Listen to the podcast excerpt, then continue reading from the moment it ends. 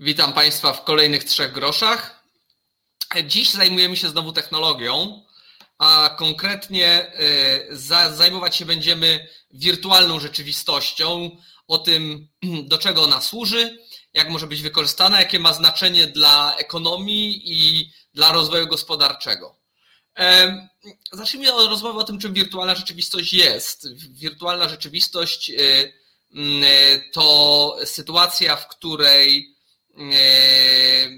istnieje jakaś rzeczywistość nieprawdziwa, ale z którą możemy w jakiś sposób wchodzić e, w interakcję.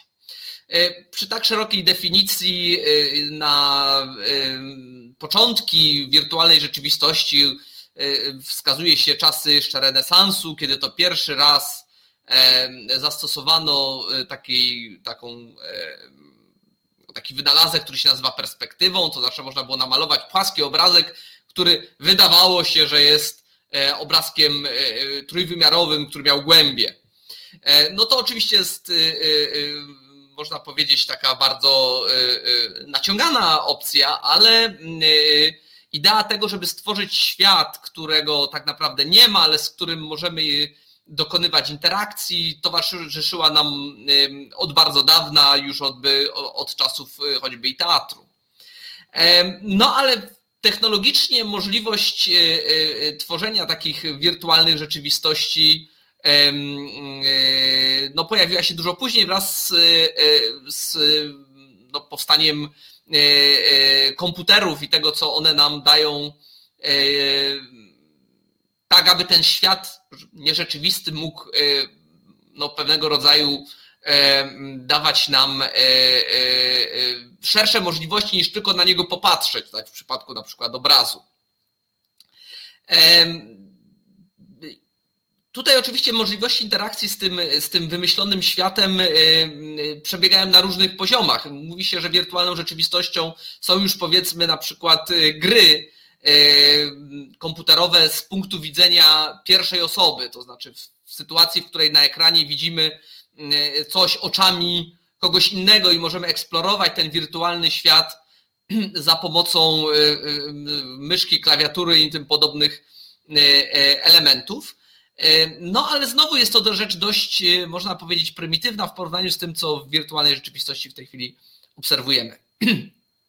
Takim przełomem wirtualnej rzeczywistości w dużej mierze było wynalezienie e, e, gogli do wirtualnej rzeczywistości. To są takie, można powiedzieć, e, rolnetki przy, przy, przyczepiane na stałe do głowy, które to wyświetlają przed oczami pewne obrazy, a jednocześnie dają możliwość tego, żeby w którą stronę nie popatrzę, to też zmieniał się obraz, tak żeby miał wrażenie, że sam znajduje się sam znajduję się w, w tej rzeczywistości.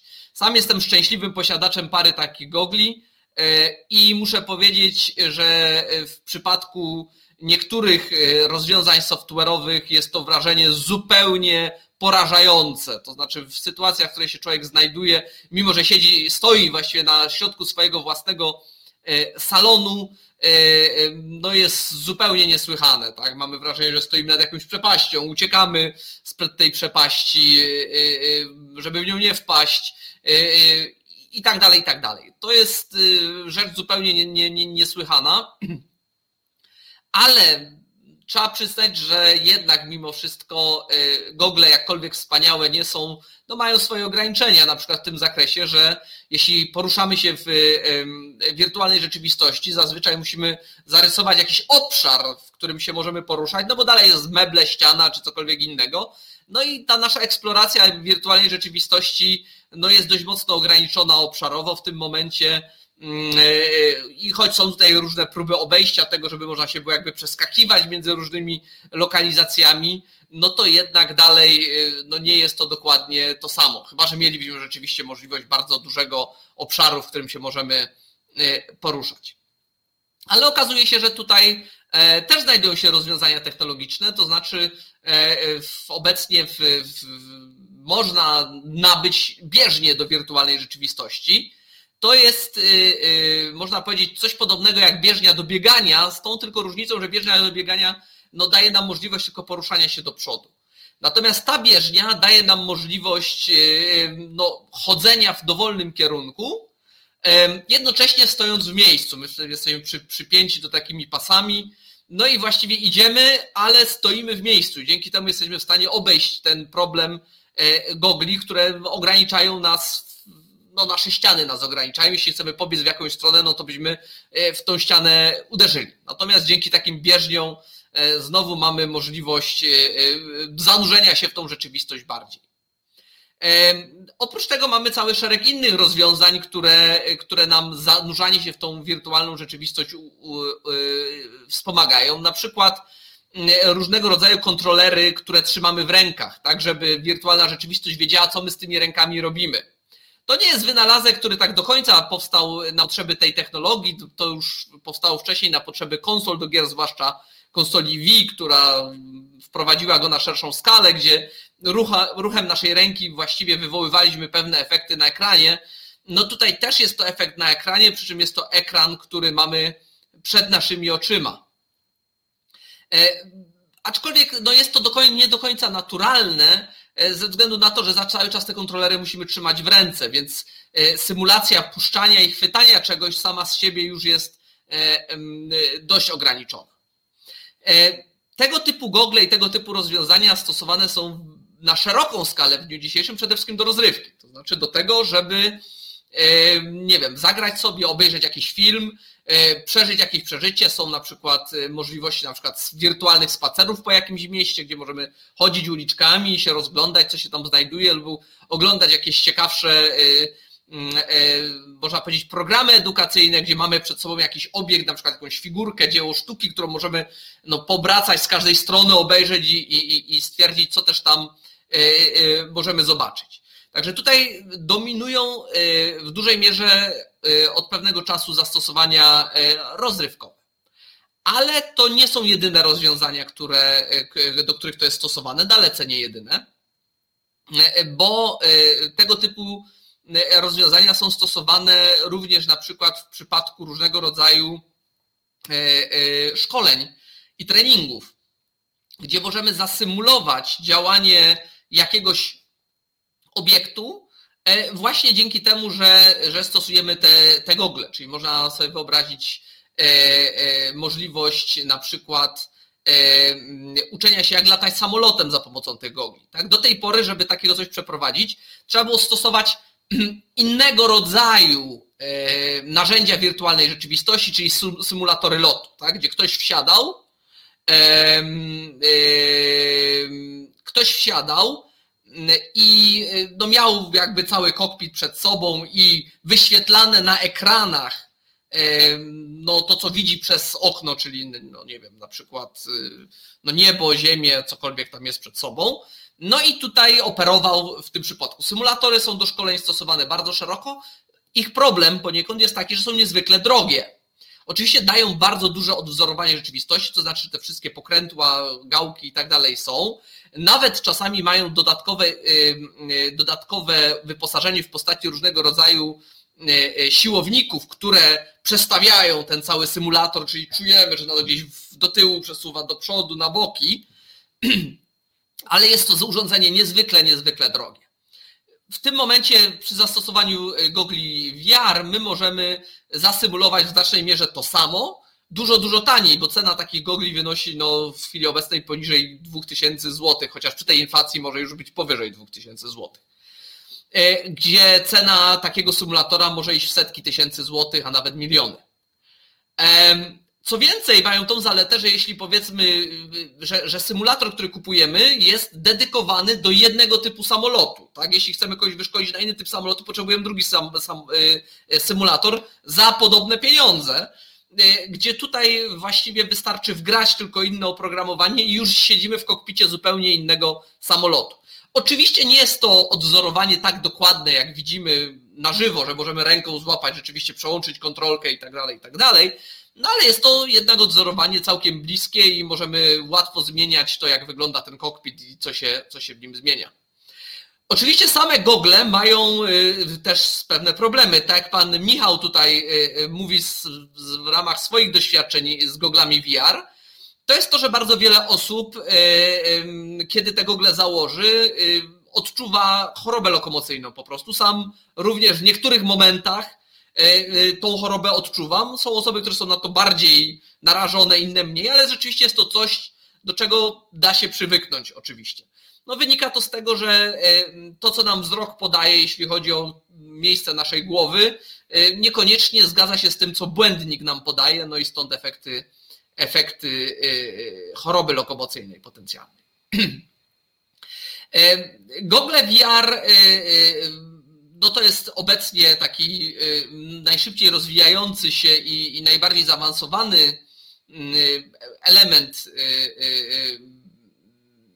wirtualnej rzeczywistości, ale daleko nie jedyny. To znaczy,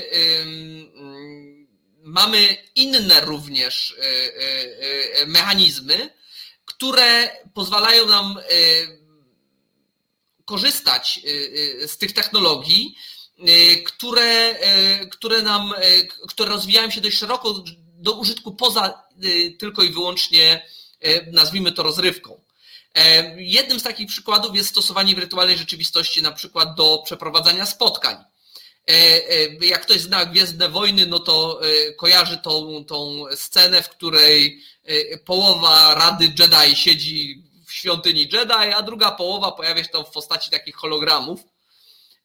No i też w tym kierunku idziemy i są pierwsze zastosowania tego, że również za pomocą gogli, ale niekoniecznie tylko gogli, możemy się spotkać w jakiejś sali, której tak naprawdę nie ma, gdzie my wszyscy jesteśmy, możemy do siebie podchodzić i ze sobą rozmawiać.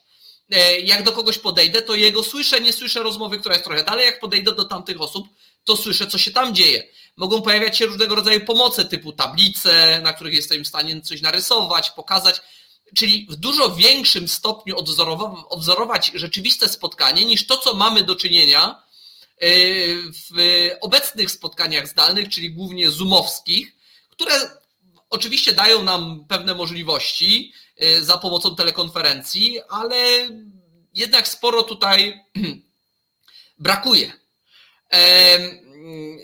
I to, to, są rzeczy też stosowane na co dzień. Y, y, moja córka za pomocą tychże gogli VR co jakiś czas spotyka się w wirtualnym pokoju ze swoim kuzynem, który mieszka w Norwegii. Mogą sobie podejść, czy gdzieś tam pochodzić, coś porobić w tym pokoju wirtualnym szczególnie jeżeli nie widzieli się przez dwa lata ze względu na pandemię. To też jest zastosowanie, które jest no, bardzo, bardzo ciekawe.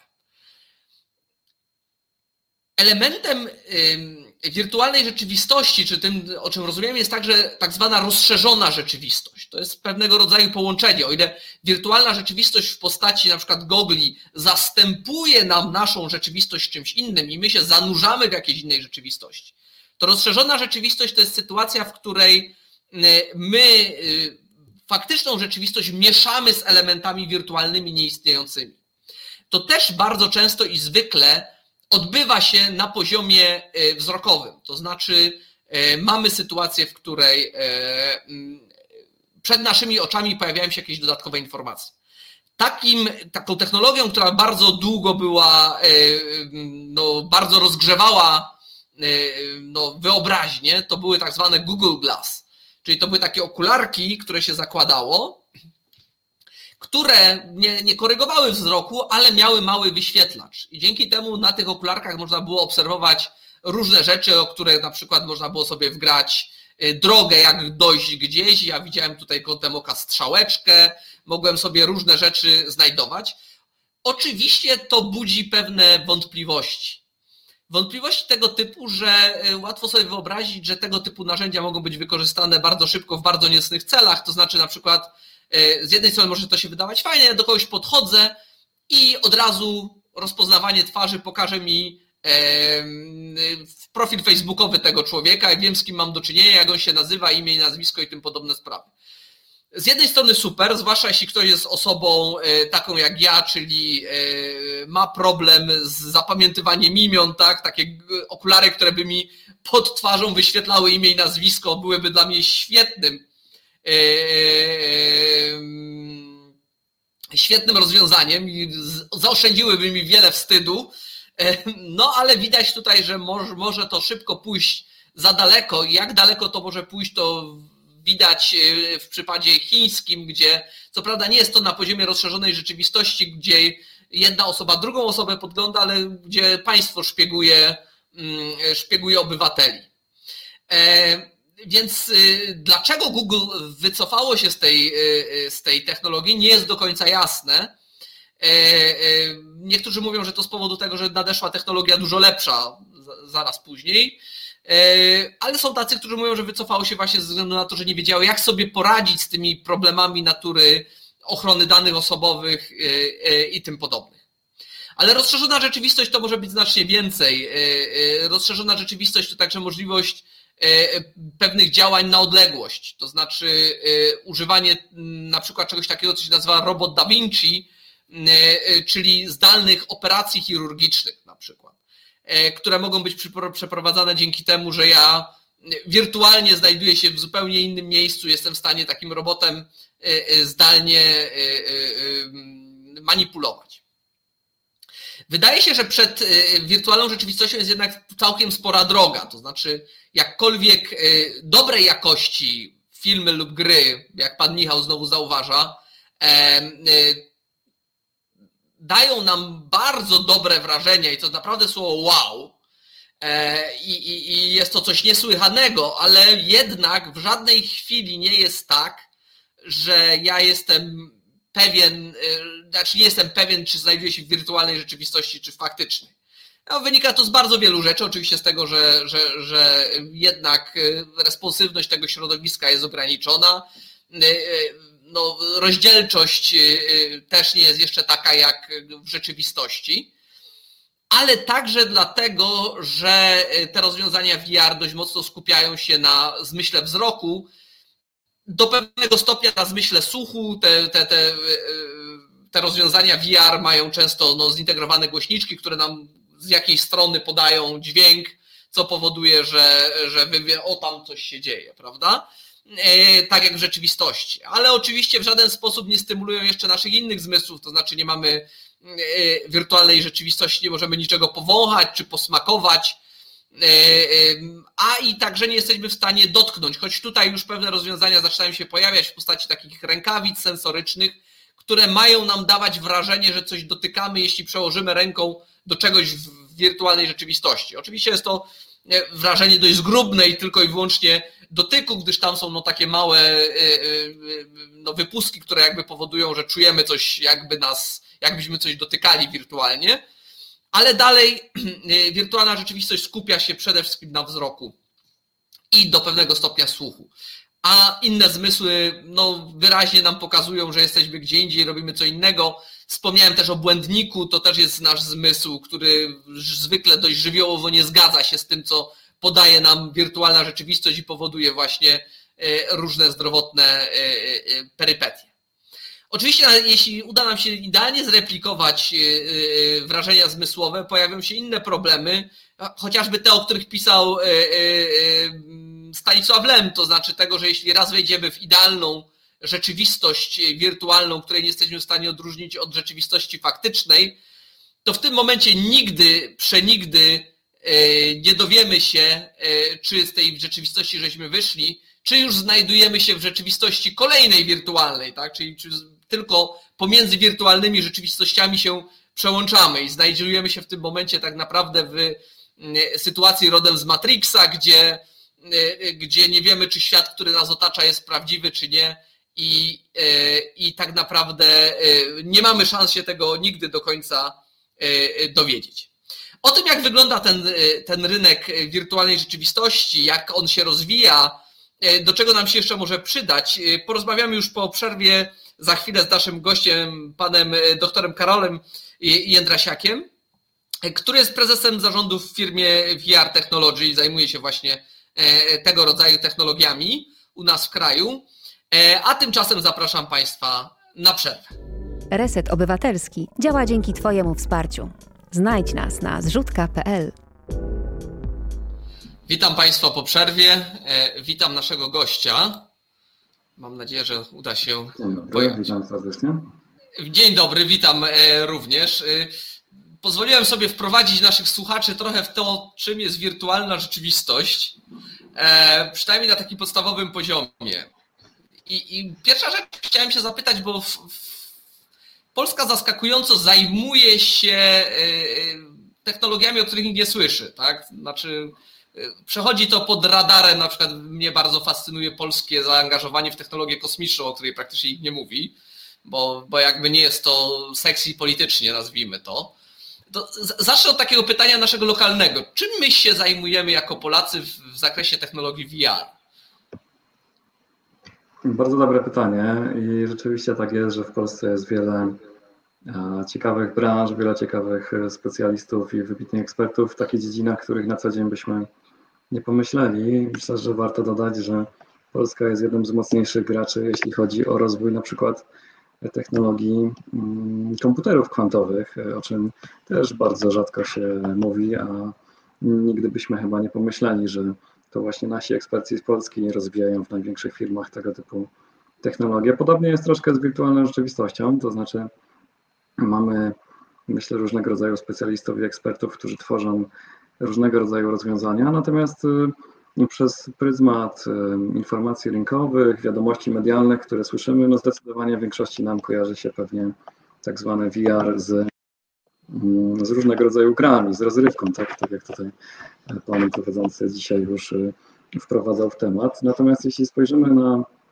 informacje takie stricte rynkowe, takie powiedzmy analizując dane chociażby z naszej, z naszej giełdy, to zobaczymy, że tak naprawdę tylko 4,5%, tak, według statystyk na ten, na ten rok, e, można powiedzieć, całego tego rynku multimedialnego rozrywki obejmują rozwiązania takie stricte VR-owe, tak? czyli widać, że jeszcze jest e, naprawdę dużo tutaj do, do zagospodarowania. Natomiast oprócz takiej rozrywki, przede wszystkim rozwiązania VR-owe są stosowane w różnego rodzaju szkoleniach i e, różnego rodzaju badaniach. Tak? Także, Szanowni Państwo, mm, wykorzystanie VR-u w szkoleniach, e, chociażby na przykład z BHP, szkoleniach e, związanych z wykorzystaniem różnego rodzaju e, przyrządów i to od takich bardzo skomplikowanych, typu właśnie jakieś na przykład symulatory bardzo kosztownych urządzeń, tak, jakieś, nie wiem, z branży lotniczej, czy to z branży zabronności,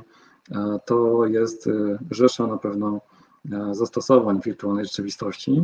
I mamy wiele takich firm w Polsce, które nie tworzą tych rozwiązań na rynek taki otwarty, czyli tych rozwiązań nie można sobie niestety zakupić w jakimś sklepie, w jakiejś platformie rynkowej spróbować sobie w domu, ponieważ one bardzo często bazują na różnego rodzaju dedykowanych kontrolerach i próbują zaadresować troszkę wyższy poziom e, haptyki, wyższy poziom takiego sprzężenia zwrotnego niż standardowo, dodając na przykład kontrolery związane z poczuciem ruchu, tak? czyli jest jakiś niestandardowy kontroler, który oddaje na przykład wrażenie, że e, próbujemy na przykład uczyć się spawania, tak? i wtedy czujemy sprzężenie zwrotne, czujemy to, można powiedzieć, urządzenie, tak? czujemy, czy dotykamy lekko, czy mocno. Tak? Bardzo mocne zastosowanie wirtualnej rzeczywistości jest w szkoleniu wszędzie tam, gdzie mamy do czynienia z Mm, takim fachem, który jest związany z pamięcią mięśniową właśnie, tak? czyli przykładowo w stomatologii, w różnego rodzaju operacjach laparoskopowych, w różnego rodzaju rozwiązaniach właśnie związanych z na przykład z e, mechaniką.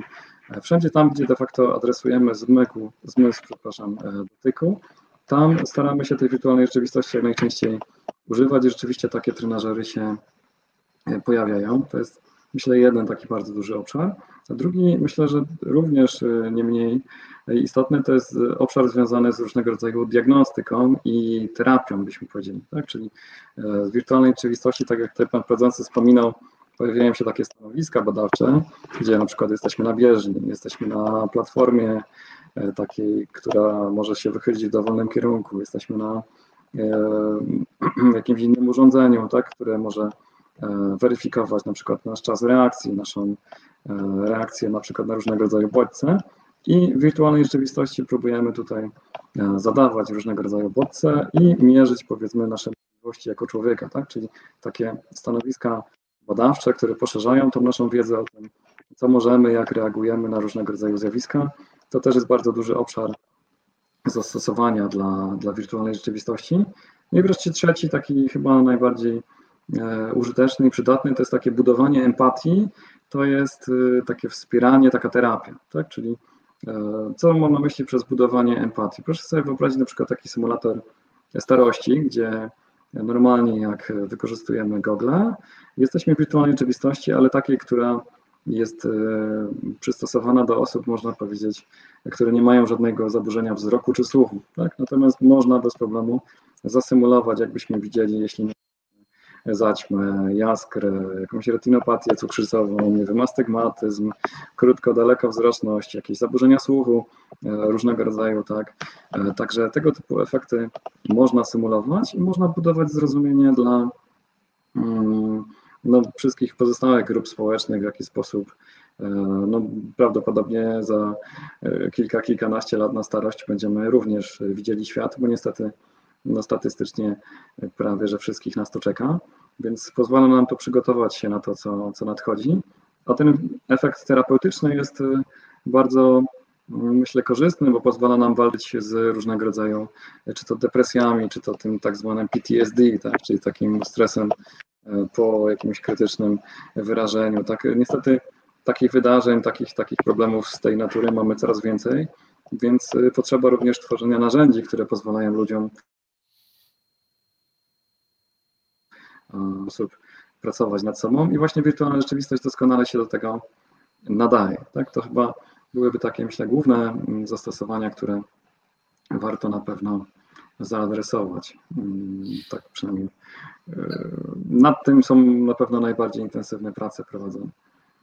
Się zastanawiam jeszcze nad jedną taką e, branżą. Tutaj jeden ze słuchaczy, e, pan Michał o tym wspomniał, tak? Kwestia, i to trochę szerzej, bo ja słyszałem jeszcze o innym zastosowaniu można powiedzieć, pokrewnym. To znaczy kwestia osób samotnych i, i pozostawionych w jakichś miejscach, których za bardzo się nie mogą wydostać, tak? I, i związane z tym też różnego rodzaju zaburzenia, tak aby mogły doświadczyć świata zewnętrznego, czy w zupełności wirtualnego, czy też, nie wiem, spotkać się ze znajomymi, przyjaciółmi, czy wręcz, i tutaj zaczynamy wchodzić w, z jednej strony science fiction, drugiej pole moralnie, bym powiedział, szare, to znaczy, nie wiem, spotkać się ze swoimi zmarłymi E, bliskimi, tak, zasymulowanymi w taki czy inny sposób e, na podstawie zdjęć, filmów, czy też jeszcze za życia zeskanowanymi na taką okoliczność, to rozmawiamy o rzeczy w przyszłości, e, co pewnie byłoby dużym no, powiększeniem jakości tego życia dla tych osób.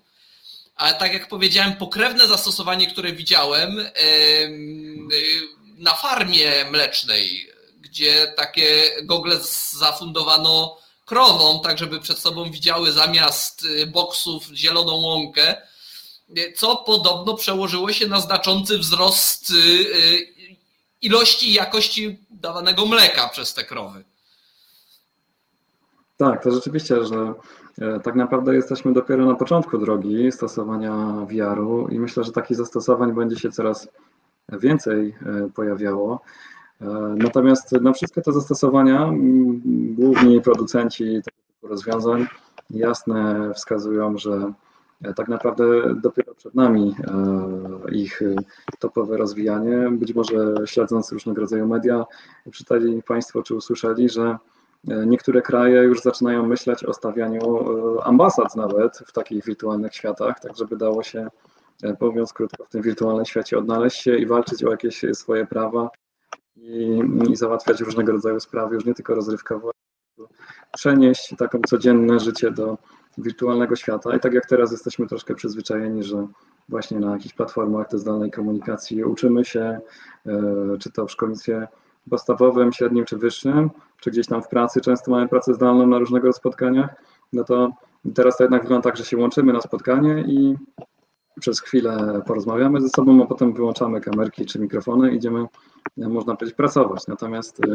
y, wszystko zmierza w tą stronę, żebyśmy się właśnie w ten sposób nie odłączali, żebyśmy cały czas byli w realnej rzeczywistości i to, co widzimy, było praktycznie odzwierciedleniem tego świata, który, e, który znamy. Tak? No bo wyobraźmy sobie, co się właściwie dzieje na świecie. Jesteśmy w drugim roku, można powiedzieć, pandemii. Wszyscy zamykamy się w czterech ścianach i nie wychodzimy gdzieś tam za bardzo na zewnątrz, czy, czy, czy, czy to chcemy, czy nie chcemy, no tak często to w wielu krajach wygląda. No i teraz musimy sobie czymś się zająć, tak? No to patrzymy gdzieś tam, oglądamy jakieś filmy, tak? Przeglądamy coś na internecie. Natomiast no ile można patrzeć w ten sam sufit, w tą samą ścianę, w te same meble, więc ci wiodący producenci mówią, dajmy ludziom wirtualną rzeczywistość, pozwólmy im się przenieść w dowolne miejsce E, zobaczymy, co będzie. Tak, no i pojawiają się właśnie takie różnego rodzaju platformy, w których można e, no de facto po prostu pobyć. Tak? Chociażby jest taka platforma VR gdzie możemy no po prostu sobie pochodzić i porozmawiać z innymi ludźmi, którzy akurat też w danym momencie byśmy powiedzieli się nudzą.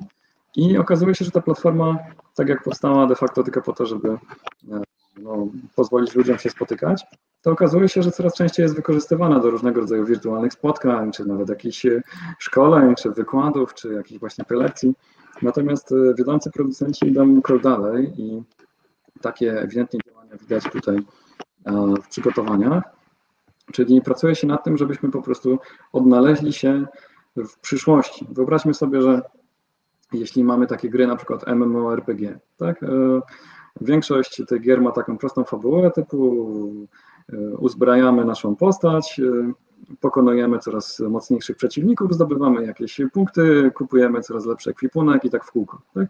aż tam pokonamy jakiegoś ostatecznego przeciwnika. Natomiast zawsze w każdej takiej grze znajdą się tacy ludzie, którzy korzystają z tych rzeczy dookoła, typu zamiast pokonywać te potwory, to na przykład siedzą i łowią ryby albo coś w tym rodzaju i potem te złowione ryby sprzedają na targu i tak w kółko, tak? czyli de facto zajmują się nie tym, do czego ta gra służy, ale sprawia im to frajdę. Po prostu się odnajdują, handlują. Często się to kończy tym, że mają najlepszy ekwipunek, a w ogóle nawet mają pierwszy level na przykład, tak? bo jeszcze nawet nie zaczęli tych potworów e, zabijać. I tak się, tak się też e, dzieje, po prostu jesteśmy różni, każdy ma różne zainteresowania i dąży się do tego, żeby zaadresować te potrzeby. Czyli tak jak tutaj e, widzę w komentarzach, spodziewamy się troszeczkę takiej sytuacji, że za jakiś czas Wszyscy z takich czy z innych powodów będziemy łączyli się zdalnie, tak? Tak bardzo wybiegając w przyszłość, ale tutaj dzisiaj też Lema słyszałem, więc, myślę, że można. Wyobraźmy sobie, że część z nas jest na, na, na normalnych w różnych krajach, część z nas jest na jakiejś, nie wiem, na orbicie, na jakichś stacjach, część z nas jest na jakichś innych planetach i tak dalej, ale potrzebujemy razem pracować i e, nasze rzeczywistości niestety są szaro-bure, smutne, tak, bo na co dzień e, nie zwracamy uwagi, natomiast podłączamy się do wirtualnej rzeczywistości i lądujemy w świecie, który jest ciekawszy, który jest bardziej atrakcyjny. I wyobraźmy sobie teraz taki prosty przypadek.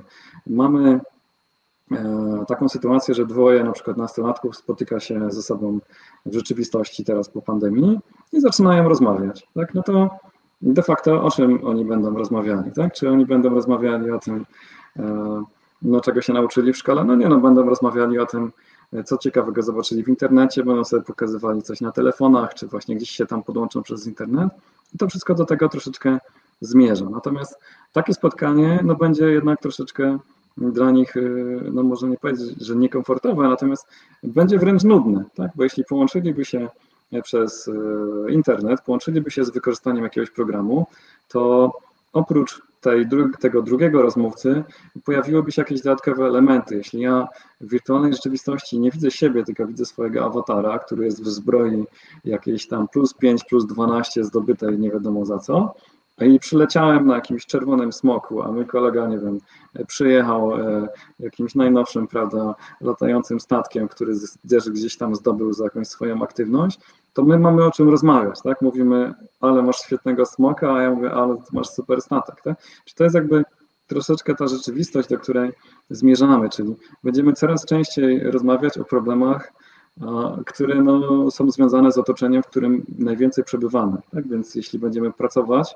wirtualnym świecie, to będziemy też budować swój status i, i te nasze punkty do dyskusji w tym wirtualnym świecie. Tak? I to wydaje się, że przed tym już nie uciekniemy. Tak? Ci wszyscy najwięksi, e, można powiedzieć, tego świata w tą stronę zmierzają, więc no, naszym poniekąd zadaniem jest zastanowić się, w jaki sposób możemy się do tego e, przygotować, tak żeby e, nie grać całkiem na ich zasadach, tylko po prostu spróbować tutaj zawalczyć również na jakiś obszar taki dla różnego rodzaju grup, dla różnego rodzaju krajów, tak żeby zawczasu każdy jednak obszar miał jakiś tam rodzaj swojej autonomii i mógł tworzyć różnego rodzaju E, obszary, przestrzenie, właśnie takie e, społeczności, gdzie będziemy mogli wyrażać się w różny sposób. Tak? Natomiast Właśnie, wygląda na to, że to jest... Chciałem, chciałem troszkę ten, ten wątek pociągnąć, bo czy to nie jest tak, że to, co ogłosił ostatnio Zuckerberg, tak, czyli ta zamiana Facebooka w i zapomniałem nazwy. Y, meta. meta o, w Meta właśnie. To nie jest próba stworzenia takiej platformy wirtualnej rzeczywistości, która będzie pod kontrolą jego firmy właśnie, że, w której on będzie, czyli trochę można sobie wyobrazić to w ten sposób, że strony www były stworzone, no, że tak powiem, na licencji otwartej, znaczy każdy sobie może postawić stronę www, dzięki temu, że to jest otwarte, natomiast y, y, można sobie wyobrazić było, że ówczesny jakiś Facebook tak naprawdę to patentuje i wszystkie strony www stoją na serwerach tego właśnie ówczesnego Facebooka i wszystko jest pod jego kontrolą. Czy to nie idzie w tym kierunku, że właśnie te wielkie korporacje tą przestrzeń starają się w jakiś sposób, no nie wiem, sprywatyzować, nazwijmy to. I co my z tym fantem możemy zrobić? Znaczy, to zdecydowanie w tą stronę zmierza, niestety, i, no i budzi to wiele, e, wiele obaw, wiele dyskusji i no, nie dalej jak chyba tydzień po tym ogłoszeniu Facebooka już się pojawiła ogłoszenia związane z tym, że Disney też ma podobne plany, e, też by chciał takie swoje uniwersum zrobić i teraz właściwie każdy wiodący producent tego typu technologii będzie chciał zrobić jakieś konkurencyjne rozwiązanie, więc jest to już jakaś troszkę pociecha, że nie będziemy zamknięci wszyscy w jednym, tylko będziemy chociaż kilka do wyboru. Natomiast no, kraje jeszcze w tym świecie coś znaczą, więc e, na ten moment ten świat jest tak poukładany, że poszczególne kraje um, mają jeszcze możliwość, na jakich zasadach dołączają do różnego rodzaju technologii i tak długo jak do czegoś się łączymy zdalnie, to, e, to mamy jeszcze coś do powiedzenia. Natomiast pamiętajmy, że za jakiś czas e, i nawet i ten punkt nam się wyczerpie, bo w momencie, w którym korporacje skończą budowanie konstelacji satelit nad naszymi głowami, to będziemy mieli dostęp do internetu, czy kraje będą na to, że tak powiem, wyrażały zgodę, czy nie, bo ten internet po prostu fizycznie do nas doleci, tak? E, z pominięciem e, przewodów, z pominięciem terytorium, z pominięciem de facto wszystkich możliwych zgód, na jakie musieliby się normalnie zgodzić. Tak? Także czeka nas taka przyszłość, gdzie e, de facto ciężko będzie, bardzo ciężko w jakikolwiek sposób narzucić komuś, że miałby z czegoś korzystać lub nie, bo ten internet po prostu każdy, kto wystawi antenę za okno, złapie. Tak? I tego się nie da kontrolować, bo trzeba by kontrolować całą sieć satelitów, więc e, czeka nas bardzo, myślę, dramatyczna zmiana w momencie, w którym taki internet się e, poza kontrolą właściwie nikogo, tylko globalnych korporacji spopularyzuje, no bo będzie to bardzo trudne, a ewentualna dyskusja będzie się toczyć na gruncie prawa właściwie prawie każdego kraju, bo każdy satelita leci nad innym wycinkiem planety i tak dalej. Będzie to bardzo, bardzo problematyczne.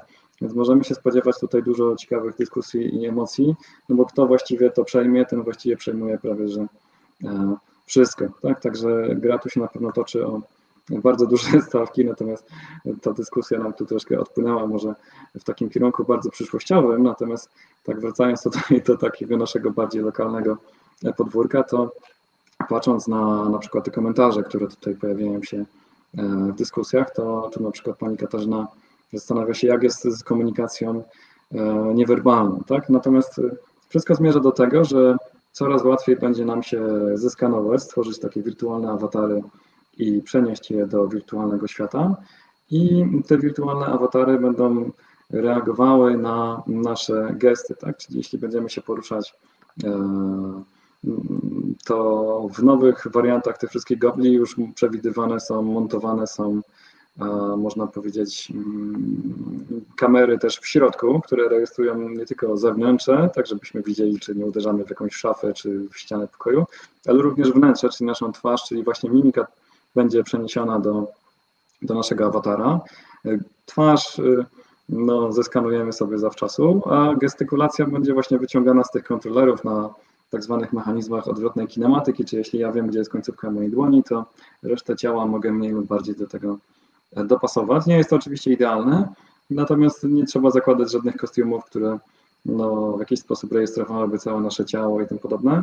Można to również realizować na tak zwanym motion capture bezmarkerowym, czyli e, z wykorzystaniem kamer, które wyliczają e, na przykład mapy głębie i na tej podstawie będzie można weryfikować, mm, no, jaka jest kształt naszej sylwetki i w jaki sposób się poruszamy i to rzeczywiście właściwie już zaczyna, zaczyna działać i na potrzeby takich mniejszych rzeczy powinno się tutaj dać z tego, z tego korzystać.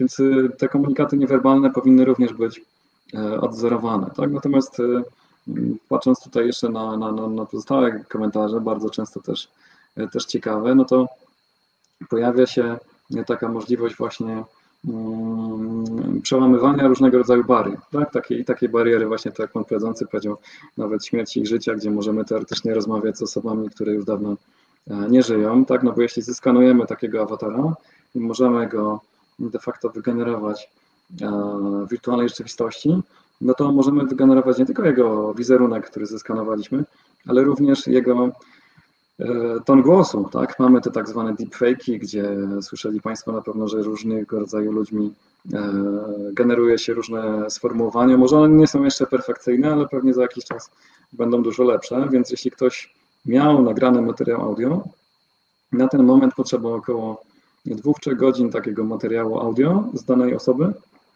żeby spokojnie wygenerować automat taki z wykorzystaniem algorytmu sztucznej inteligencji, która pozwoli mówić de facto cokolwiek tym głosem. Tak? Natomiast e, są już takie prace badawcze, gdzie wystarczy dosłownie 5 sekund, tak? 5 sekund głosu danej osoby, żeby wyciągnąć te wszystkie charakterystyczne cechy i stworzyć automat, który będzie mówił bardzo podobnie. Tak, oczywiście nie dokładnie tak samo, ale bardzo podobnie, więc jeśli połączymy to z mimiką twarzy, z pewnymi zachowaniami takiego awatara, to rzeczywiście doświadczenie będzie na pewno niesamowite. E, natomiast no, będzie to na pewno trudne dla wielu osób, tak? Nie każdy pewnie będzie chciał rozmawiać z, z osobami, nazwijmy to roboczo, zmarłymi.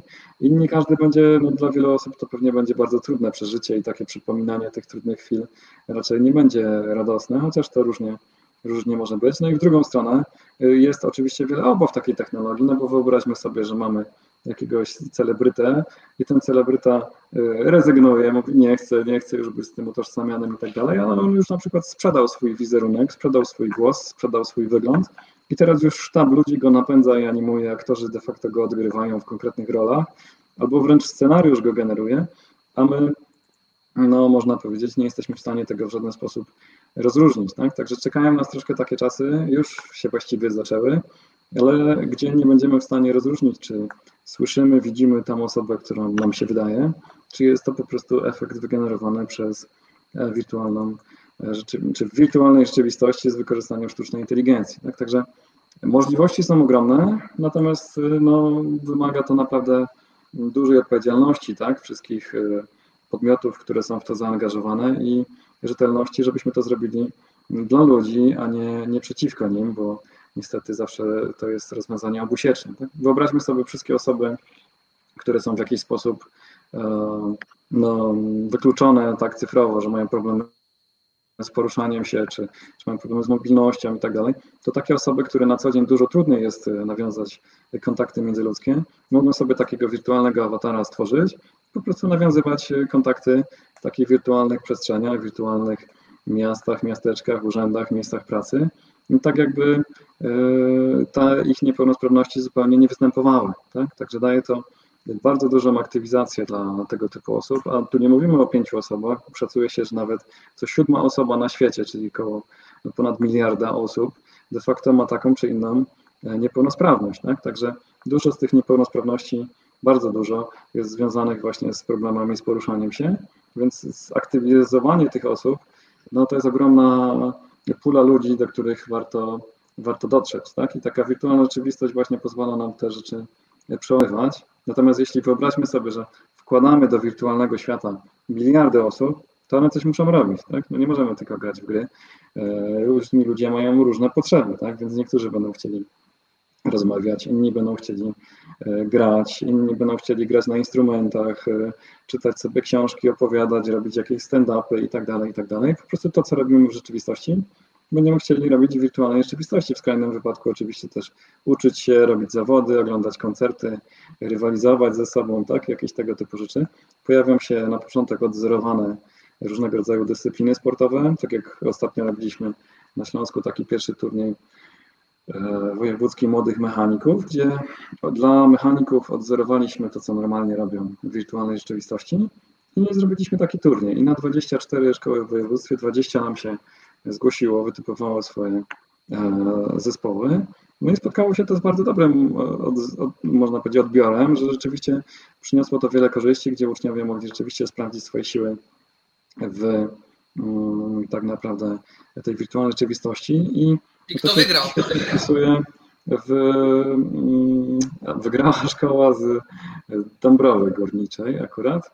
E, natomiast e, Także wielkie gratulacje tutaj dla nich. Natomiast to był oczywiście taki pierwszy raz i przyznam, że zaskoczył nas trochę nawet samych jako organizatorów, też razem tutaj z Katolicką Specjalną Strefą Ekonomiczną, Akademią WSB i, i przede wszystkim spółką Motoprofil, szerzej znaną pod nazwą Profi Auto i, i okazało się, że to strzał w dziesiątkę i teraz wiele szkół zapisuje się do nas na różnego rodzaju pilotaże i chciałyby to rozszerzać. Też myślimy o angażowaniu kolejnych zawodów, żeby właśnie zamienić troszkę taką, byśmy powiedzieli, trochę nudną edukację na coś nowego, coś świeżego, bo Szanowni Państwo, wszystkie badania mówią, że młodzież w wieku tam 15, 20, e, jak się ich zapytamy, kim by chcieli być w przyszłości, to praktycznie takie same wyniki mamy w Polsce, w Wielkiej Brytanii czy w Stanach Zjednoczonych i 30% ludzi mówi, że chce być youtuberami.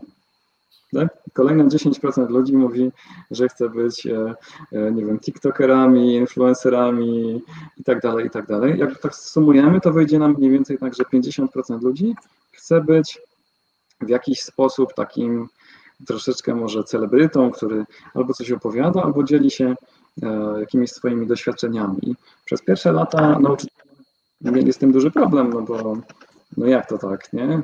To przecież zajmijcie się jakąś pracą i tak dalej, to pewnie znamy wszyscy te, te sformułowania. Natomiast okazało się bardzo szybko, że ten się nie wygra, tak? Polska jest tylko jedną taką plamką na tej mapie światowej, jeśli tak samo myśli młodzież w Stanach, nie wiem, w Australii, w Wielkiej Brytanii, to już mamy po prostu globalny trend i Polacy nic tu nie zmienią. Więc y, zmieniło się myślenie pod tytułem, skoro wszyscy chcemy być youtuberami, to zróbmy coś, żeby się wykazać. No bo jak to być youtuberem, jak wszyscy będziemy opowiadać to samo, nie? Można niby być, e, przepraszam, jakoś tam się pokazywać i tak dalej, no ale to tylko tam jakaś garstka ludzi będzie miała taką, bym powiedział, e, jakąś swoją charyzmę, że porwie ludzi samym sobą, tak? No ale większość będzie musiała mieć o czym opowiadać, tak? Więc musi mieć jakiś fach. Więc teraz nauczyciele zachęcają ludzi, słuchajcie, uczcie się, nie wiem, zawodów, uczcie się umiejętności, historii, czegokolwiek w zasadzie, bądźcie w tym naprawdę dobrzy i opowiadajcie na tym na YouTubie. Będziemy mieli content, który, który będzie Was zachęcał do tego. No i młodzież rzeczywiście to, to kupuje. I my poszliśmy tą, tą drogą i zrobiliśmy właśnie tę inicjatywę tego, tego można powiedzieć, tych zawodów y, y, wirtualnego mechanika. I okazuje się, że y, to się świetnie wpisuje, bo co my właściwie zrobiliśmy? Wzięliśmy zakres czegoś w rodzaju olimpiady mechanicznej, na którą mało kto się chce zapisywać, no bo przecież e, kto by się tam uczył, był kujonem i tak dalej. Tak? Natomiast bardzo prosto podchodząc do tego tematu, zmieniliśmy to na wirtualną rzeczywistość i okazuje się, że po tych zawodach widzimy już pierwsze efekty. Tak? Czyli teraz ludzie, oni się już nie uczą, nie kują, oni ćwiczą taktykę na zawody. Tak? Oni nie brudzą się w warsztacie, czy tam męczą jakieś, prawda, dokręcają śrubki, tylko oni trenują, tak? Oni są teraz e-sportowcami, oni są teraz, prawda, osobami w świetle reflektorów, wygląda to dużo lepiej, świetnie się to pokazuje na, na YouTubie. Idea jest taka bardzo, bym powiedział, medialna i jest naprawdę ogromne zainteresowanie. A dlaczego? Bo oni mogą właśnie na tym swoim YouTubie o tym opowiadać, pokazywać, wrzucać filmiki i mogą być z tego naprawdę dumni i my im bardzo mocno w tym kibicujemy. Natomiast niestety tylko kilka procent z nich y, zostanie tymi takimi powiedzmy youtuberowymi celebrytami, którzy y, porwą tłumy i będą mieli z tego fajne profity i mogli żyć na przyszłość. Natomiast cała reszta w którymś momencie stwierdzi, no jak mam tam 10 widzów, no to raczej z tego nie wyżyje.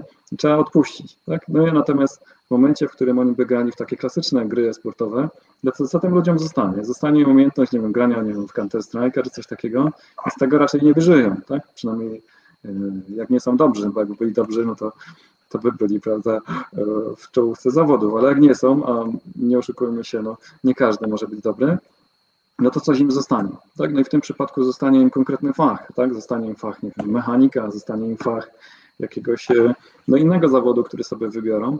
I no widzimy w tym naprawdę fajny potencjał i chcielibyśmy właśnie zapraszać wszystkich do, do współpracy, którzy tego typu e, rzeczy realizują, właśnie do, do tej ekipy wspomnianej, czyli do Katowickiej Specjalnej Strefy Ekonomicznej, do Akademii USB jako uczelni wyższej z Dąbrowy Górniczej, właśnie do spółki, którą mam przyjemność reprezentować, która tam też odpowiada za część technologiczną, no i do naszego pierwszego partnera, który spopularyzował tą ideę, czyli właśnie do spółki Motoprofil, znane, szerzej znaną pod nazwą Profi Auto. Tak? Także takie, takie inicjatywy się dzieją obecnie i one są mm, takim przyczynkiem do czegoś, co nam się troszkę marzy, czyli powalczenia o taki e-sport nasz lokalny, tutaj krajowy, tak? czyli żeby e, wyjść e, z zupełnie innego podejścia, to znaczy nie róbmy gier na podstawie e, biegania, fantazy czy strzelania się w science fiction, takich typowo dla rozrywki, tylko zróbmy e-sport związany z rzeczywistością,